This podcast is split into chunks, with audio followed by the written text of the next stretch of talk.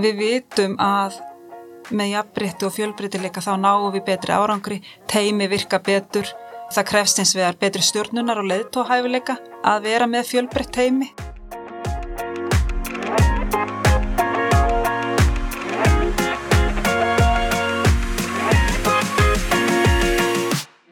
Birna Bragadóttir er stjórnarformaður Hönnunasjóðs og gestur þóttarins í dag.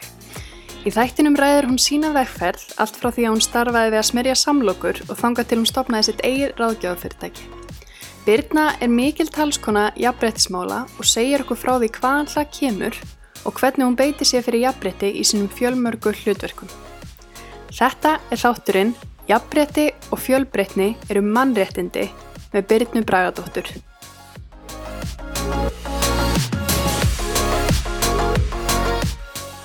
Velkomin Birna. Takk fyrir kjærlega og takk fyrir að bjóða mér. Ef við byrjum bara eins á þér, getur þú svona sagt mér í gróðum dráttum frá þinni vegferð? Já, mín vegferð er nú ansi, ansi löng. Ég myndi segja að ég væri búin að vera vinnumarkaði síðan hérna, ég var 13 ára gömul, þar sem ég byrjaði að smýra samlokur í sóma.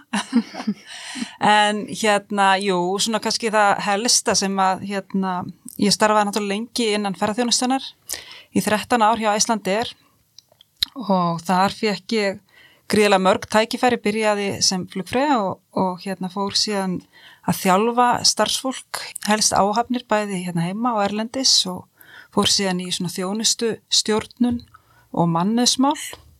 Þaðan fór ég yfir til orkuveitunar og var þar starfsráðnastjóri í, í nokkur ár og vann meðal annars já, mikilvægt starf þar sem snýraði jafnbrettismálum og fekk þar hérna tækifæri til þess að leiða það og varð svona svolítið kveikjan af þessum hérna mikla jafnbrettis áhuga og svona þekkingaröflun sem að ég hef gagvart svona vinnustæða menningu fyrirtækja og stopnana og sveitafélag sem að hérna ég hef komið að síðan í, í ráðgjöf.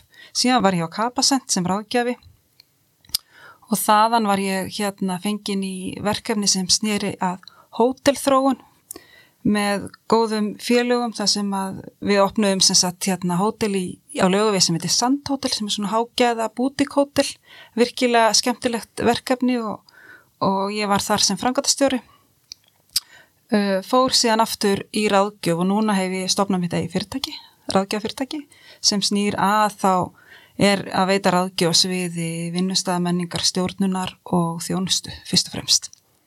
Svo er ég náttúrulega í hönnunasjóði sem hérna, stjórnaformar, ég sitt líka í stjórn gagna við Reykjavíkur og svo er ég með svona hobby hérna, verkefni sem snýr að ég er á samt félögum mínum að leiða hóp hérna landvætta í gegnum landvætta áskoranir af því ég tók það fyrir fjórum árum síðan og, og hérna heitlaðist algjörlega að útivist og finnst ótrúlega gaman að hérna, já, sjá fólk, já, valdeblast í, í náttúrunni og sigra sjálfa sig. Þannig að svona í, í frítíma mínum er ég uh, helst einhver staðar upp á fjöllum eða syndi sjónum eða hérna, já, ég er svona, að, já, stunda útivist að mikill ástrið.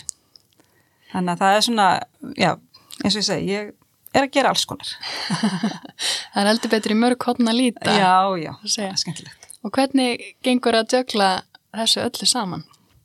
Það hefur bara gengið rosalega vel vegna þess að mér finnst ekkert skemmtilegra eldur en að hérna, takast á við krefjandi verkefni og í hérna, vinnunni þá finnst mér gaman að styrkja mig faglega og líka fá að miðla því sem að ég hef lært sjálf og til þeirra fyrirtækja og stopnarna sem ég vinn með. En svo náttúrulega í mínu frítíma þá náttúrulega helst það svolítið hendur að, að hérna tengjast fólki og tengja sjálfum sér og, og náttúrunni. Já. Þannig að ég er, ég myndi segja ég væri, já já, smá ævintrakona og ég bara leifi mér að vera það, það er svona kannski í setni tíð það sem að ég fór svona að, já, gefa sjálfum mér leifi til þess að eiga bara alveg áhuga mál og stjórna frítíða mínum svolítið eftir að börni mín verði hérna starri og ég hef bara lagt líka mikið upp úr því að vera þeim bara góð fyrirmynd í að hérna gera það sem þau vilja gera og þá verður ég auðvitað að gera það sjálf. Nákvæmlega. Mm. Hljómar eins og það fengið smá smjörþef af því að stopna því degið og vera í svona frumkvæla störfum. Já. Getur sagt mér aðeins frá því betur?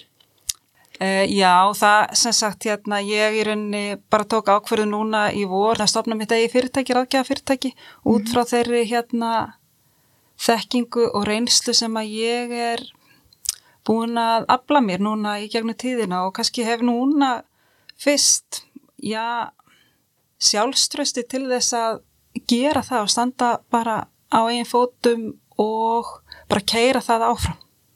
Þannig að ég er bara mjög ána með það. Ég hlaka til þess. Ekki. Já.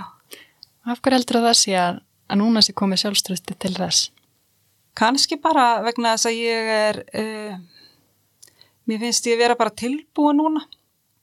Uh, ég ætlaði að gera þetta fyrir fimm árum síðan. Ég var svona aðeins, aðeins búin að stíga hænuskrifið, ætlaði að fara að stað og, og þá fór ég svona, var ég fengið til þess að beðnum að koma inn í, inn í þetta ráðgjafa fyrirtæki sem ég og gerði og kannski bara nú er ég komið reynsluna, veit hvernig hérna hlutinni ganga fyrir sig, treysti betur eigin getu til þess að hérna ég raunni keira bara áfram á hérna mínum, mínum styrkleikum. Og hvernig hefur upplifunin verið? Ég er náttúrulega bara frekar svona nýfarna stað en, en þetta bara þráttur COVID og maður auðvitað, þú veist, það er náttúrulega allt, allt svona í ákveðinu óvissu núna en ég hef líka kannski aðeins lært að maður þarf ekki alltaf að hugsa hlutina oflant fram í tíman. Stundum er bara rosa gott að vita hvert er næsta rétt að skref fyrir mig Mm -hmm. og treysta því. Þetta fer allt einhvern veginn á endanum og oftast bara vel. Algjörlega. Ha, hænu skref ég einn. Nákvæmlega. Hmm. Og ef það eru aðrir atna, sem eru kannski að lusta og eru í svipum spórum, búað eitthvað í sérþekkingu og atna, langa kannski að fara út sér degið, ertu með eitthvað ráð eða hvatningar orð til þeirra? Ég er nú það stutt á veg komin að það væri pínu svona skrítið fyrir mig að vera að koma með ráð akkurat núna en það sem að ég kannski séð og séð í hérna, séð í að fólki og í umhverju mínu hjá hérna þeim sem hafa verið að stíga sín skrif og, og taka þetta að, já, hérna, að láta bara á það reyna og gefast ekki upp og það er það sem ég ætla að gera. Nákvæmlega. Mm. Hvernig lág svona þín leið inn í hönnunasjóð? Já, í stjórn hönnunasjóðs eru fimm sagt, hérna, stjórnarmeðlimir og það eru þrýr stjórnarmeðlimir sem eru skipaðir af hönnunamiðstöð sem eru svona faglegir stjórnamenn mm. og svo eru tveir sem eru skipaðir af ráþera mentamálráðir skipar hérna annan aðra stjórnarkonna og svo er ég skipuð af atun og nýsköpunar ráþera þannig að þann, þannig hérna liggur mín leiðin í hönnunasjóð. Og þau bara hafa sambandu þig eða? Já, ég bara fekk hérna bara fyrir spurn og, og ég þetta, hérna, fannst þetta bara gríðilega spennandi tækifæri bæði vegna þess að ég er mjög mikil hérna, áhuga manniska um, um hönnun og um arkitektúr og hef komið þetta að í gegnum alla mína starfsæfi hönnun og nýsköpun á einnið annan hátt bæði unni með þverfaglegum teimum já og hérna og svo er ég viðskiptafræðingur með MBA og félagsfræðingur þannig að þú veist ég hef og þetta er náttúrulega rosalega breið, hönnunasjóður er náttúrulega mjög breytt umhverfi þannig að þetta eru svona nokkuð mörg fagfélög sem að hérna undir sjóðin heyra þannig að þetta er bara gríðarlega skemmtilegur og skapandi vettmangur og mjög mikil svona forréttindi að fá að taka þátt í þessu þessu umhverfi sem að er stöðut vaksandi og að fá að sjá sjá og vinna með svona skapandi fólki. Getur sagt mér aðeins frá því hvað þið gerir hjá hönnunasjóði? Hönnunasjóður er í rauninni sjóður sem að veitir styrki til sem sagt vörhönnunar, arkitektús, fatahönnunar, skarkripahönnunar og grafísku hönnunar og keramikshönnunar og svo svona þverfaglegar hönnunar. Ég held ég sé að tellja allt upp og við erum í rauninni að veita sem sagt hérna fjórasunum ári styrki þróunastyrki, verkefnastyrki, markas- og kynningastyrki og semst ferðastyrki til hönnuða. Og, og hlutverk hans er að ebla þekkingu, atvinnu og verðmætasköpun á Íslandi. Hönnuðir og arkitektar þeir geta sótt um í sjóðin fjórsunum ári og við förum síðan yfir umsóknir og útdeilum þeim styrkjum sem að svona flest atkvæði hljóta í hverju umsóknarferðli fyrir sig og það hefur verið gríðarlega mikil aðsókn í sjóðin. Við fengum útlutað auka fjármagni, 50 miljónir núna í vor, þannig að það hefur verið heilmikið að gera hjá okkur. Og þetta er náttúrulega gríðarlega margar umsóknir sem berast hverju sinni. Núna síðast voru hvað 276 sem er minnir umsóknir sem bárust. Og þannig að þetta er mikil vinna sem að mikil en mjög skemmtileg vinna sem fer í það að fara yfir allar þessar umsóknir en að öllu öðru leiti er hérna eru 50 miljónir í sjónum sem að dreifast á þessar fjórar útlutanir. Og ef fólk hefur áhuga á að sækjum ykkur, hvað er best að finna ykkur? Það er bara á hönnunasjóð Já, við erum með heimasíðu og þar eru allar, allar upplýsingar, helstu upplýsingar sem að hérna, snúa að reglum sjóðsins og hvenar má sækja um, hvenar hérna, umsóknarfrestir renna út og svo veitir hönnuna miðstu líka allar helstu upplýsingar til já, umsækjanda. Hver myndi þú segja vera svona líkillin að góðri umsókn í hönnunasjóð?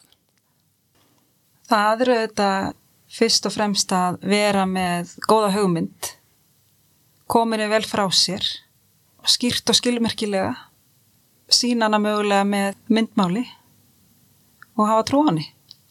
Og mögulega líka bara eins og í umsóknum yfir höfuð að bera hana undir kannski einhvern, einhvern óháðan aðila sem sér þetta kannski með öðrum mögum að því að, að þetta eru margar umsóknir sem er að hérna og þú þarfst að vera góður að svona eins og maður kallar að koma umsókninni frá þér á skilmerkilegan hátt þannig að hún svona maður sjáu strax hvað er verið að hérna fara, fara úti og hver, hver umverulegur ávinningurinn er.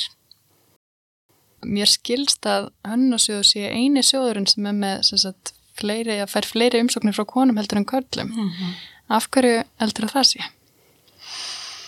Sko það byrtist auðvitað svolítið í að það koma fleiri umsóknir frá konum heldur en karlum.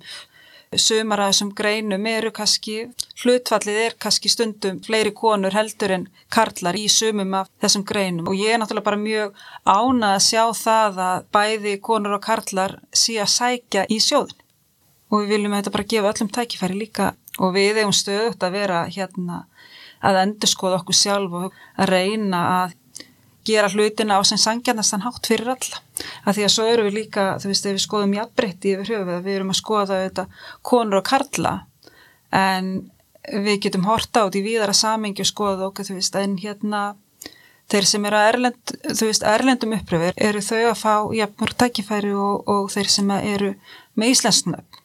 Hvað með hérna konur sem eru eldra en 50 ára. Þú veist að fjölbreytnin er ekki bara að telja hérna hausa karl og konur heldur þurfum við að horfa á þetta í viðra samengi og þá erum við náttúrulega að hugsa um okkar eigin já matskekkjur við viljum auðvitað líka að við viljum ónt fólk sæki sjóðin og sjóði en við vitum líka að fólk sem er eldra og reynslu meira að það hefur líka fullt fram að færa og ætti líka að sækja í sjóði. Algjörlega. Hmm.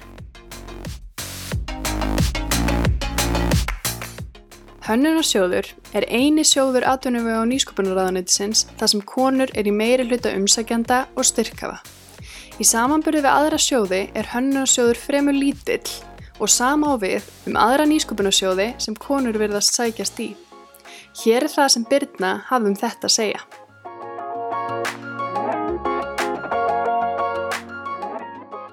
Við erum auðvitað bara gríðilega þakklátt fyrir það fjármag sem að sjóðurinn fær. Þú veist, við vitum það alveg að það er ekkit sjálfsagt en auðvitað veist, er þetta lítill sjóður og þetta eru, já, hlutall hvenna er náttúrulega hátt í, í þessum greinum og auðvitað myndum að er alltaf vilja fá meira fjármagn og gefa, já, hönnuðum meiri tækifæri til þess að þróa hugmyndi sínar. Þú veist, miða við ef þú skoðar fleiri aðra sjóði þá er þetta ekki háar upphæðir sem að hérna sjóðurinn er að veita til verkefna. Að því að stundum er talað um já, konur eru hérna, þær sæk ekki um nógu háa styrki eða til dæmis þessi sjóður hefur ekki hingað til verið að veita mjög háa styrki vegna þess að umfangið er bara ekki, ekki það mikið þannig að þessir, já, eru svona kannski hérna ákveðni kvartninga, kvartningastyrkir þó við séum með þróunastyrki, við erum með verkefnastyrki og við erum með markastyrki og ferðastyrki. Þetta er alveg umhugsunavert og, og, hérna, og mikilvægt að skoða í samingi við annað. Og vera líka kannski bara aðeins gaggrinn á þetta og líka, já það má alveg, alveg setja upp kynjakleirun og hugsa þetta í því samingi líka. Mundur þú segja svona, víst að mikið að lesa yfir umsóknir og velja og leggja mat og svona. Mm. Eru ykkur munstur þar sem þið sjáu mun á milli umsókna eftir kyni verkefnastjóra? Ég hef ekki tekið eftir því, nei. nei.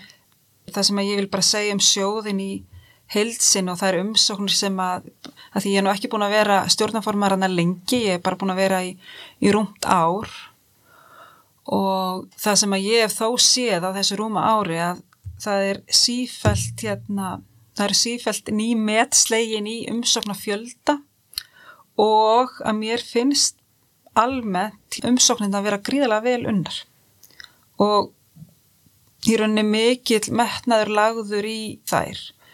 Og kannski það sem að maður er að sjá núna og það sem að mér finnst mjög ánægilegt að sjá líka er að hönniður eru farin að vinna saman, mögulega saman að umsóknum og eru oft, oft á tíðum með svona fjölbreytt heimi, þú veist það sem er verið að, verið að nýta styrkleika mismundi greina og mögulega viðskita greina líka sem er verið að setja. Þó svo að hérna sjóðunum per se styrki styrki fagaðelina Nákvæmlega. Hmm. það er svona kannski þverfaglegri nálgun. Já, maður er farin að sjá, sjá það. Svona fleiri þó það hafa alltaf verið. Og það er hérna, það er líka jákvægt En þetta er náttúrulega gríðarlega fjölbreyttur sjóður með allar þessa greinar undir. Já.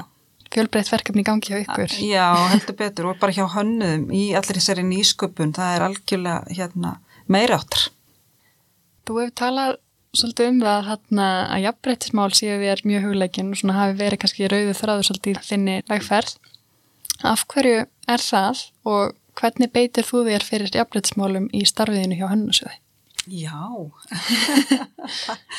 sko þetta er náttúrulega hérna laungsag og svona persónlega þau veist ef ég segja mm. svona þess frá því að ég svona kannski reg mig á það þegar ég er, ég var móðir mjög ung, ég var rétt að vera 21, ég var móðir í fyrsta skipti og hérna og fljótlega var ég einsta móðir. Og þá svona svolítið regi mig á það bara hvernig Já, hvernig samfélagi byrtis mér á allt annan hátt þegar ég er komin í þetta hlutverk og þegar ég þarf að fara að spjara mig einn sem einstamóður. Og þá reyki mig á alls konar veggi. Ég svo menta ég mig í félagsfræði og atunlýsfræði og tek svona kynjafræði áfanga með því og þá fæ ég þessi kynjakleru og svona beint í, ég setja þau bara upp og um leiða maður er búin að setja þau aðeins upp og þá fer maður að sjá hlutina aðeins í, í öðru ljósi og ég hafði líka fengið svona uppeldi sérstaklega frá ömmu minni um svona þú veist mikilvægi þess að vera sjálfstæður og, og hérna sérst, og vera fjáraslega sjálfstæður. Geta alltaf staðið undir bara sjálfri mér og gengi frá hlutunum með mér líka ekki við þá. Og það, svona, það var svona ákveðin innprentun í mitt uppeldi sem að ég hef bara tilengað mér og reyndað miðla sérstaklega til barnana minna Þannig að það er svona grunnurinn, kemur það, þannig að svo náttúrulega er ég bara, mér finnst bara jafnbreytti og fjölbreytileiki, þetta eru bara mannréttindi í mínum huga. Og við erum auðvitað á Íslandi komin mjög langt með að við á heimsvísu, en við erum samt komin líka stutt, stutt á veg. Og í hönnunasjóðu og öllum svona þeim verkefnum sem að mann er falin, sem að maður er að útdeila, já, tækifærum og gæðum mér finnst að maður er að gera bæði kröfu á sjálfa sig og, og aðra sem að fá svona mikilvæg hlutverka út til að þetta er náttúrulega ríkisfið sem er verið að útila og það er verið að hérna, fjárfesta í, í verkefnum. Að við séum þá bæði meðvitið um okkar eigin svona hugskekkjur eða hugsanarskekkjur, svona kallaða bæjasar og gerum líka það, þær kröfur að svona endur skoða störf okkar að við séum að taka út ákveðin gögn, þú veist hvernig við erum að útdeila þessum gæðum. Og við gerum það hjá hannunasjöðu bæði út frá kyni og bara landsluta út frá faggreinum líka hvernig við hérna erum að útdeila styrkjum. Þannig að við séum að já, gæta eins mikið svona jafnbreðis og, og möguleiki er. Þannig að bara að byrja því að taka út tölur skiptir gríðarlega miklu máli. En svo þarf náttúrulega þetta þeir sem að setja í svona hvort sem að þessi sjóður eða aðri sjóður eða stjórnum að það þarf þá að vera ákveði viðþorf og hugsunarháttur út frá jafnbrytti og fjölbrytti líka því það er verið að ofta tíðum útdela ákveðnum hérna gæðum og tækifærum og það skiptir máli hvernig það er gert. Það er náttúrulega við þurfum að vinna eftir jafnbrytti að mínu áldi. Hvers konar verkvella notið þér hjá sjónum til þess að sjá til þess? Við leggjum auðvitað alltaf sjálfstæst mat á hverja við lesum yfir og förum yfir hvert og eitt okkar, hverja einustu umsókn.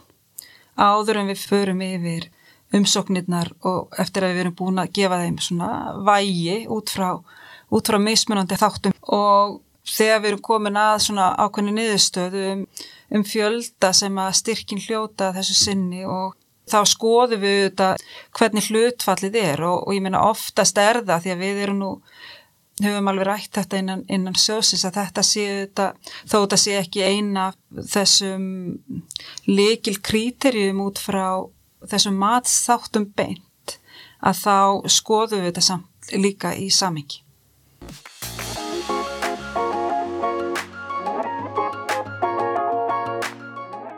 Við viljum auðvitað búa í samfélagi þar sem eru jöfn tækifæri. Og við vitum það auðvitað ef við skoðum bara í heldina við erum náttúrulega svona nokkur nefnir 50-50 svona hérna já, konur og karlar og þú veist og auðvitað fleiri kyn. Og það er mikilvægt að tala um það líka að þú veist að við séum ekki bara alltaf hólf okkur þannig niður. Ef við skoðum bara skólakerfi, ég meina við vitum það að konur eru náttúrulega í auknum mæli að að útskrifast úr háskólanámi til dæmis verður fleiri konur heldur en karlar. Það er hins vegar ekki alltaf að skila sér í svona þessar aðstofa valdamestu stöður í samfélaginu og þess vegna er vitu við alveg og það eru þetta hérna, við vitum að við viljum búa í jafnbryttis samfélagi, sumstaðar er það, viða mætti bæta úr því og við vitum að með jafnbreytti og fjölbreytileika þá náum við betri árangri, teimi virka betur, það krefst eins vegar betri stjórnunar og leðtóhæfileika að vera með fjölbreytt teimi, þú veist það er miklu auðveldra að stýra til dæmis einsleitum hóp heldur fjölbreyttum hóp. En oft verður meiri, eða betri hugmyndir, fleiri hugmyndir sem kom på borðið ef þú ert með öflugan leðtóa sem stýrir þannig, þannig teimum. En við vitum, við vitum þetta allt saman. Við vitum, við, við þurfum ekkert eitthvað fleiri jú, þetta megu alveg rannsaka þetta meira en við vitum að að jafnbreytt og fjölbreytileiki er mikilvægur það næst meiri árangur alveg eins og við vitum að það er holdt og gott að borða hérna brokkoli og, og appelsínur. En þú veist, við erum ekkert endilega að gera það. Við erum víða ekkert að breyta nema í hænu skrefum, sjáum til dæmis bara kaupöllina, þar eru, þar eru allir fórstjórar fyrirtæki í kaupöllinu eru, eru karlar, það er ákveðin einsleitni, einsleitni þar, þú veist, af hverju eru við ekki að setja konur inn á ratarn og gefa þeim, gefa þeim tækifæri? Og mín, mín skoðun og mín hugsun og ég hef vunnið náttúrulega þegar ég hef verið, verið í þessum hérna, vinni í þessum jafnbryttismálum og vinnustæða menningu að þá er það, jú, eitt er að taka saman tölur og, og skoða gögn sem er gríðilega mikilvægt í því samengi og annað er að langa og vilja og við viljum öll vera jafnbreytti sinnuð en svo er að þriðja, það er bara að hafa hugur ekki til þess að í rauninni breyta og fremja jafnbreytt og segja okkur, þú veist, við ætlum að breyta þessu og við ætlum að gera eitthvað í því. Þurfum að setja okkur markmið bæði sem já, fyrirtæki, stopnanir uh, og bara samfélag, hvernig við viljum hérna hafa þessi jöfnu eða jafnari tækifæri þú veist að því að þetta eru, svo ég segi, þetta eru bara mannréttindi.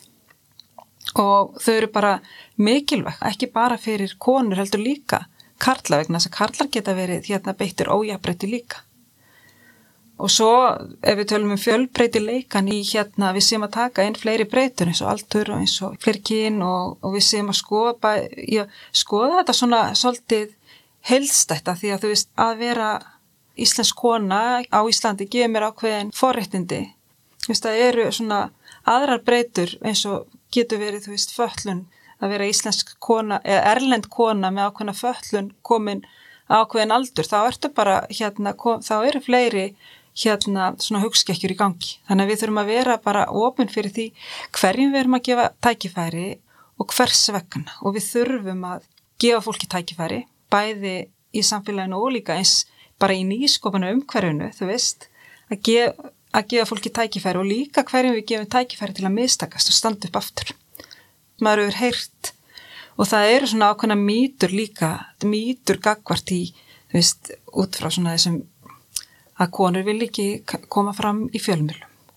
Þess við þekkjum þessar, þekkjum þessar mýtur. Konur sækjast ekki eftir fjármagni, konur vil ekki verða leittóðar eða og það þarf svolítið að vinna með þessar mýtur og mögulega slá á þar.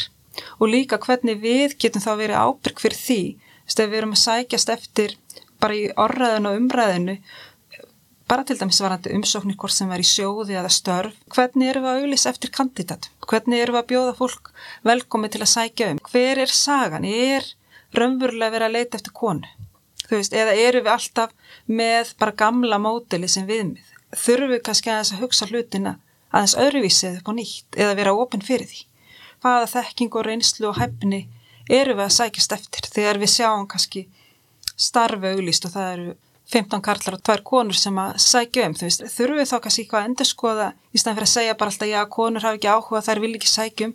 Þurfum við kannski bara frekar að líti einn barm og segja ok, þurfum við kannski eitthvað að endur skoða hérna hjá okkur til þess að laða þessa umsækjendur til okkur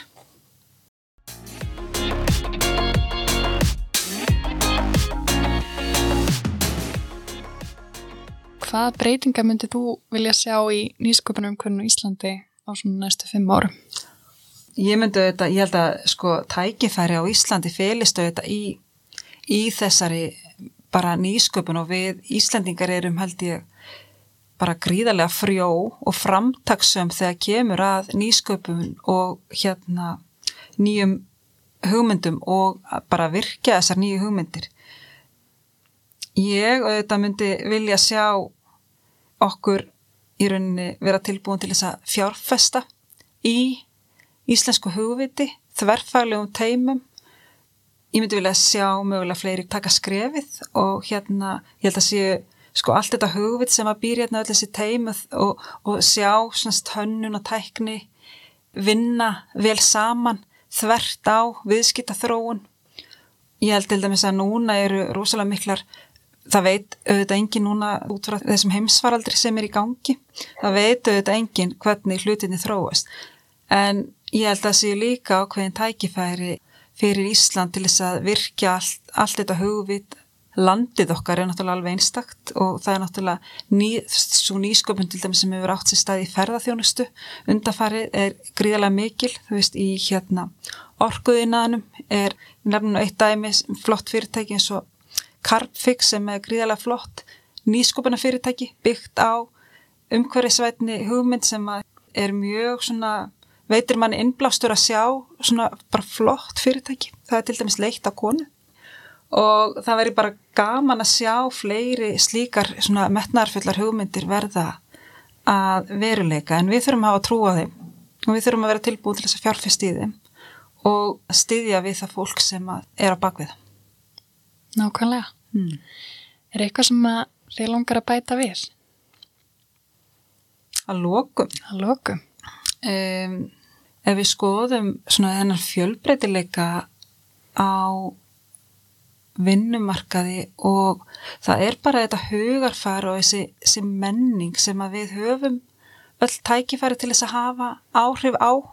Það er ekkit endilega náttúrlögumala tækifæri eða það þurfi að halla á einhvað tækifæri að fjármagn hvenna til dæmis og það eru þetta alltaf áskorun að breyta menningu og það er áskorun að breyta hugafari. Það er engum að kenna þetta sé svona núna eða sé ákveðin hátt en við þurfum hins vegar öll að axla ábyrða á því að vera tilbúin til þess að, já tilbúin að auðmygt að takast á við og takast á við þær breytingar sem að, sem að þurfa að eiga sér stað okkur öllum til hagspóta.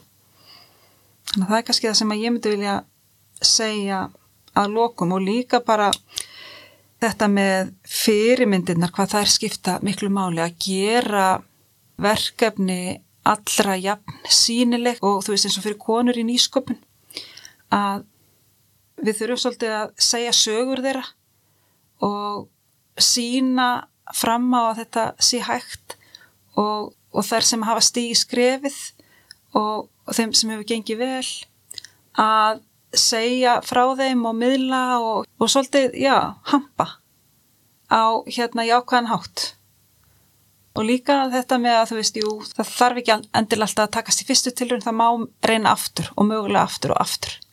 Og maður er alltaf reynslunni ríkari. Það er kannski bara líka akkurat leikilatri í frumkvæla. Það er svolítið leikilatri í frumkvæla heiminum að þú veist að, að þú ert að fara, þú veist, ótráðuna slóðir og, og þú lærir alltaf og verður alltaf betri í því. Þú þarf auðvitað bara að hafa trú á sjálfum þér og því sem að þú hefur fram að færa og hugmyndinu þetta sem að þú ert að vinna með. Nákvæmlega. Hmm. Ég las eitthvað starf að veri þriðja fyrirtæki sem að stopnar sem að yfirleitt meikar það. Já, að... ég hef ekki hérna, ég held að það gæti alveg, alveg verið rétt en við þurfum líka að því að sko út frá menningu að þá er það þessi svona námsmenning sem við þurfum að styrkja okkur í og í því fælstu þetta að vera að þóra að breyta, þóra að gera tilrunni, þóra að mistakast en ef þú ætlar að mistakast helst að gera það svolítið hratt og standa upp aftur og standa upp fljótt og læra reynslunni, miðla reynslunni og halda áfram. Þú veist, og bara gefast ekki upp. Það er auðvitað sagt heldur en gert ofta tíðin þegar þú, þegar þú stendur kannski með hérna, verkefni í fanginu. En ef þú ert með verkefni sem, að, sem þú veist að og hefur trú á og veist að getur gengið að þá er um að gera að halda áfram. Heyrðu, takk kærlega fyrir bara... takk fyrir að lefa mér að hérna koma og segja frá hönnunasjóði og, og, og ræða þessi hérna mikilvæga málefni. Flott frumkæði hjá þér. Takk fyrir það. Ha. Bara eindislegt að fá það í heimsók. Takk fyrir.